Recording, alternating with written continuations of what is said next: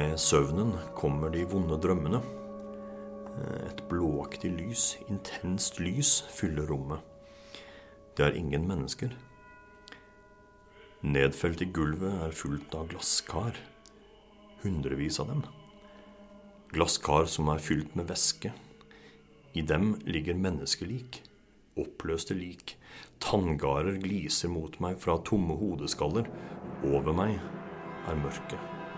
Operasanger og bass Jens Erik Aasbø sitt alvorstyngd og leser høyt fra partituret til krigsseiler Rekvien. Tak og vegger er mørke, som de ikke eksisterer, bare det intense lyset fra glasskarene og likene. Jeg må vandre på kanten og se ned. Teksten han leser er henta fra sjølbiografien til artillerimatros Nils Bjørnson. I løpet av krigen hadde Bjørnson fem mønstringer i marinen, og i biografien som kom ut på 90-tallet, både bearbeida og skriver han ned mareritt som han sleit med i etterkant av krigsåra. Det er åpenbart veldig, veldig heftige, sterke ting. Uh, I tillegg uh, så må det jo nevnes at han uh, karen her, så vidt jeg har forstått, mista begge egentlig hendene i arbeidsulykke. Så han har skrevet alt det her eh, på skrivemaskin med, eh, med sånn krok som er festa til armene. Så det er skrevet bokstav for bokstav. Um, men eh, han var, han var helt nødt til å få det her ut for, for å bearbeide det som hadde skjedd. da. Artillerimatros Bjørnson sine skildringer av mareritta markerer slutten på krigsseilerrekviem. Dette er et helt nytt verk av komponist Morten Christoffersen, skrevet for Kongelig norske marines musikkorps, Operakoret, fire av Norges fremste sangsolister, deriblant Jens Erik Aasbø, og dirigent Bjarte Engseth. Det er bare dager igjen til urframføringa, men det er likevel en ganske rolig komponist som har møtt opp i resepsjonen i Operaen. Da lurer jeg først og fremst på altså, hvordan var det ideen til eh, verket oppsto? Eh, denne ideen kom egentlig fra marinemusikken eh, i Horten, fordi de er jo en av disse fem forsvarskorpsene og de har jo støtta krigsseilersaken i flere tiår. Og vært backet opp krigsseileren og ofte spilt for dem med forskjellige anledninger. Sånn. Så de hadde en idé til å lage et krigsseilerrekviem da.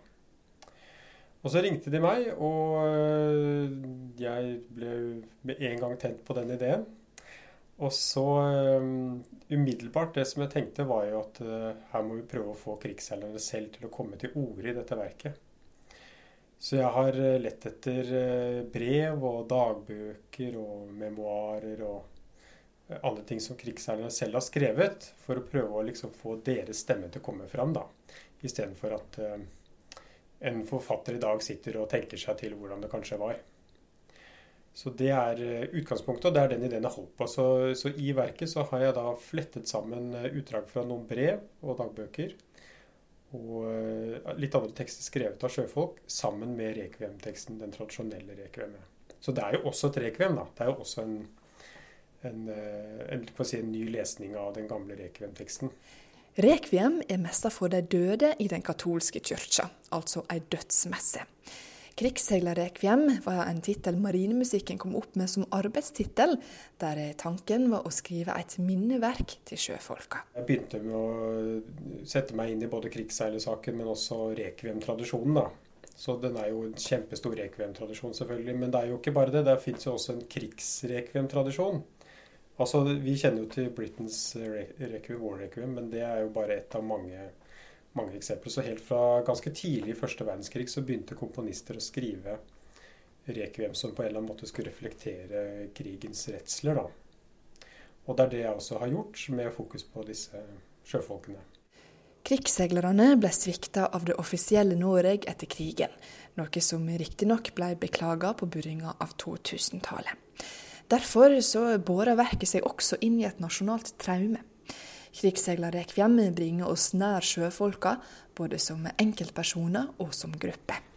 Det som er, det som er spesielt med krigsseilersaken i Norge, det er at um, de, det var jo mange tusen sjøfolk. Det, jo, det kommer litt an på hvordan man regner med. Vi snakker om 30 000-40 000 sjøfolk i hvert fall. Og den norske handelsflåten var jo blant de altså, aller, aller største i hele verden. Så det var jo rundt 1000 skip spredt rundt omkring. Og, og norske stat eh, rekvirerte alle disse båtene og brukte dem eh, eh, som en del av krigsinnsatsen til Norge. Og dette var jo stort sett sivile mennesker, altså vanlige sjøfolk eh, fra, eller fra alle lag i samfunnet, egentlig. Så de hadde ikke noe militær utdanning, sånn, men de, de fraktet da soldater og krigsmateriell og mat og forsyninger. Særlig på kryss, over Atlanterhavet. Og da levde de med en sånn, sånn, konstant frykt om at når som helst så kan de bli senket. Når som helst kan det komme en torpedo. Og særlig hvis det er inne i båten, så har, har du ingen forholdsvarsel, ingen signaler. Plutselig kan det smelle. Og den frykten over lang, lang tid, den eh, skapte for veldig mange et posttraumatisk stressyndrom senere. Da. Og det kom, det kom til overflaten et par tiår etter at de ble arbeidsuføre og ikke klarte noen ting. Og så kom den ekstra byrden at når de kom hjem fra krigen, og, og det var vunnet og alle var glade, så, så, var det ingen som, eller veldig få som anerkjente krigsseilernes innsats. De norske samfunnet her forsto ikke hva de hadde vært med på, hva de hadde gjort. Og um, det var også krefter som jobbet mot dem, for det var, blant krigsseilere var det jo en del kommunister f.eks. Så det ble sett på blant noen i politisk eliten i Norge som en, en politisk fare. da. Eh, og de hadde jo eh, fått forståelse og eller hadde krav på ganske mye penger som de hadde opparbeidet seg gjennom krigen, skulle få som erstatning etterpå. Dette fikk de heller ikke. Så de fikk verken eh, forståelse eller anerkjennelse eller den økonomiske oppreisningen de fortjente. Så For mange av dem så gikk det veldig galt, og de hadde ikke noe å komme tilbake til. og, og mange av dem ble jo uteliggere eller ikke kom hjem til familier, men fungerte ikke i det hele tatt. da. Men når du da har leita fram disse her tekstene, du forteller om brev og eh, altså menneskeskjebnene, hvordan er det du har eh, jobba med akkurat det? Hvordan har du gått til verks? Altså Det fins noe som heter Norsk senter for krigsseilerhistorie, som er i Kristiansand. Og jeg var der nede, og de hadde noen dagbøker som de hadde fått av etterkommere. Og de eh, bladde jeg i, og, og, fant noen utdrag der som jeg kunne bruke, og som jeg følte speilet den, den gamle Ekun-teksten på en fin måte. da. Og så er det jo skrevet en del bøker av krigsseilere selv, eller med intervjuer av krigsseilere. Noen ble skrevet til og med under krigen, og så har det kommet, særlig fra slutten av 60- og 70-tallet, da, har det kommet en del. Så dannet jo de en forening, Krigsseilerforbundet, som ga ut et tidsskrift fra 70-tallet og framover. Og der har de eh, Der sto det mye rart, særlig om denne pengesaken, da, som ble kalt for Nortraskips hemmelige fond.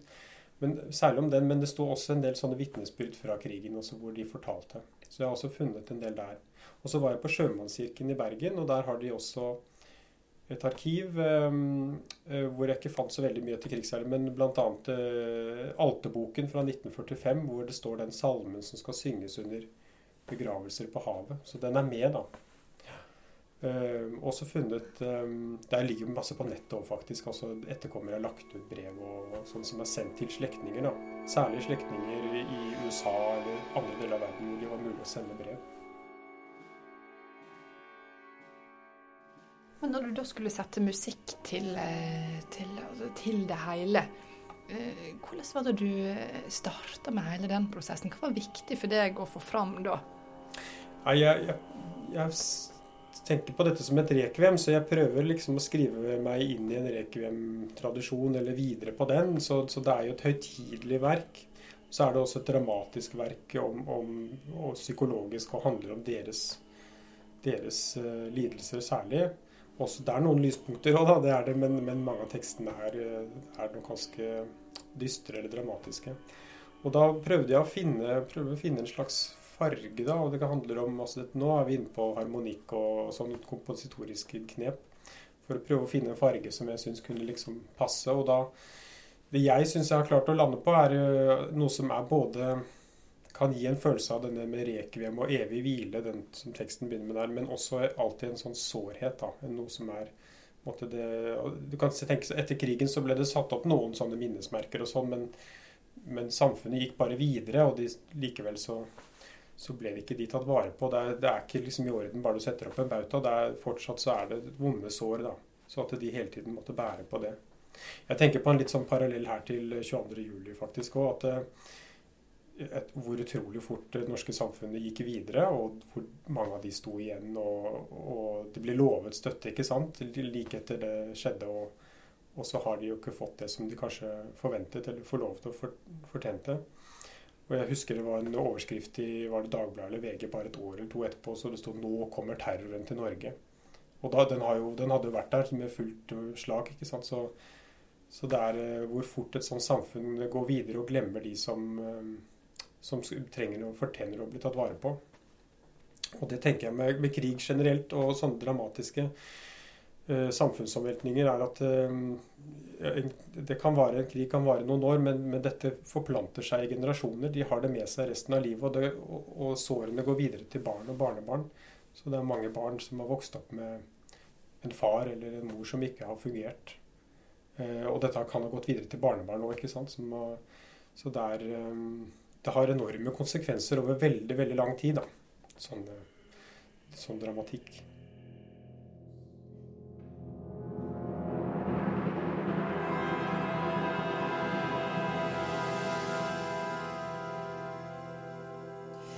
Kongelige norske marines musikkorps har gjennom flere generasjoner stått sentralt i kampen for krigsseilerne sin sak bl.a. gjennom sin støtte til konvoibyen i Risør. Sørlandsbyen der Jens Erik Aasbø delvis er fra. Jeg har jo ikke et direkte personlig forhold til det. Um, men jeg kommer delvis uh, fra Risør, der uh, den uh, såkalte konvoibyen ligger, som er et, et byggefelt som ble laga for å huse krigsseilere som ellers hadde Eh, de problemene som de her hadde i livet. Eh, så jeg husker jo de her eh, gamle skikkelsene, men det er jo ikke før nå, kanskje de siste åra, at, jeg har forstått hvem den gjengen der egentlig var, og de gikk gjennom. Etter at du fikk vite at du skulle medvirke i, i Rekviemet, har du da gått grundigere inn i historia? Jeg har iallfall gått grundigere inn i historia uh, til de uh, kara som står bak de tekstene som jeg synger for å finne ut mer om hvem de var, hvor de kom fra eh, og slik. Og det gjelder jo òg bare Eller det gjelder òg rent sangerhåndverksmessige ting, som eksempel uh, Ikke at jeg kommer til å synge på dialekt, men jeg synger jo tekster av folk fra Oslo og Lista og Skudeneshavn. Og det, det her påvirker jo òg åssen jeg behandler teksten, rett og slett. For noe av det er på nynorsk, og noe av det er på bokmål. Men alt er jo i utgangspunktet talt dialog. Det er ikke skriftspråk sånn sett.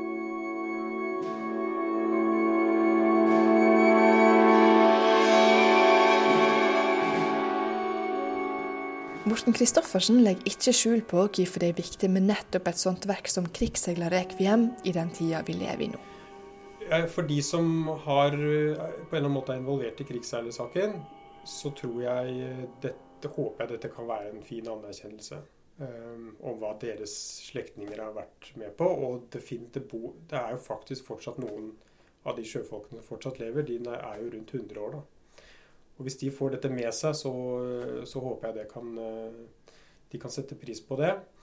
Også for oss andre så håper jeg dette kan være en måte og en hjelp til å forstå hva det vil si å være gjennom noe sånt, og hvordan konsekvensene er. At det kan bidra til det. da.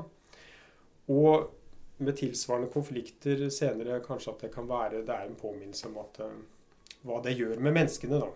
Det håper jeg jo. Så man kan se dette også litt utenfor bare krigsherresaken.